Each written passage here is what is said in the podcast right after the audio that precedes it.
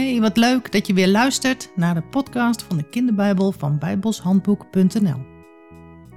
De vorige keer hadden we het over Hagar, de slavin van Sarai. Weet je nog dat ze zwanger was geworden door Abraham en dat ze daarna heel vervelend begon te doen tegen Sarai? En dat Sarai daar helemaal niet blij mee was en ook heel lelijk tegen Hagar ging doen? Ze deed dat zo erg dat Hagar moest vluchten. Ze vluchtte naar de woestijn.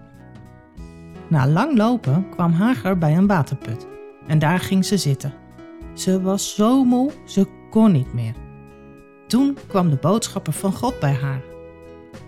In de Bijbel wordt die boodschapper de engel des Heren genoemd. En die engel die vroeg aan Hagar, waar kom je vandaan en waar ga je naartoe? En Hagar zei, ik ben op de vlucht, want ik ben weggelopen bij Sarai. Maar dat was blijkbaar niet de bedoeling van God, want de engel zei: Jij bent de slavin van Sarai en je zult naar haar terug moeten gaan. Je zult alles moeten doen wat ze zegt.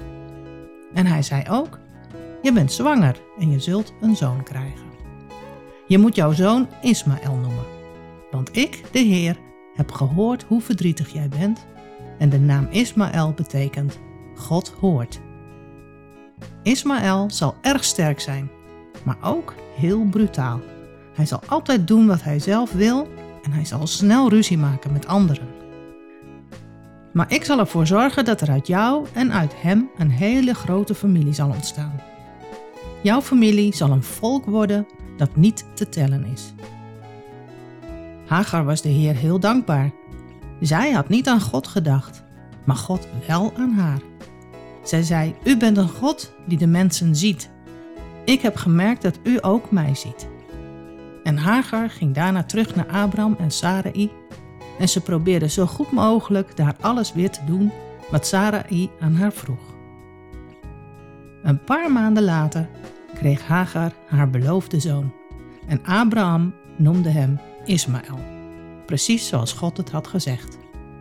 Eindelijk had Abraham een zoon. Hij was toen al 86 jaar. Kun je je voorstellen hoe blij en hoe gelukkig hij was? Een hele tijd later, toen Ismaël al 13 jaar was, waren Abraham en Sarai al erg oud geworden. Abraham was 99, bijna 100 jaar, en Sarai was 89. Veel te oud om zelf nog kinderen te krijgen. Ja, toch? Maar op een dag kwam de Heer weer bij Abraham. God zei tegen Abraham: Je krijgt een nieuwe naam. Vanaf nu heet je niet meer Abram, maar Abraham. En jullie krijgen veel nakomelingen, heel veel familie. En het land Canaan zal altijd van jou en jouw familie zijn. Alweer beloofde de Heer dus dat Abraham een grote familie zou krijgen. God stelde toen ook de besnijdenis in, als een teken van die belofte en dat verbond met Abraham. En God zei ook, Sarai krijgt ook een nieuwe naam. Zij heet nu Sarah en zij zal jou een zoon geven. Over een jaar zullen jullie je eigen zoon krijgen. Abraham moest hier nu wel een beetje om lachen. En hij zei tegen God: Ik ben dan 100 jaar en Sarah is dan al 90. Kunnen wij dan nog een kind krijgen? En hoe gaat het dan met Ismaël? We hebben nu toch eigenlijk al een kind? Maar God zei: Het is echt waar, Abraham.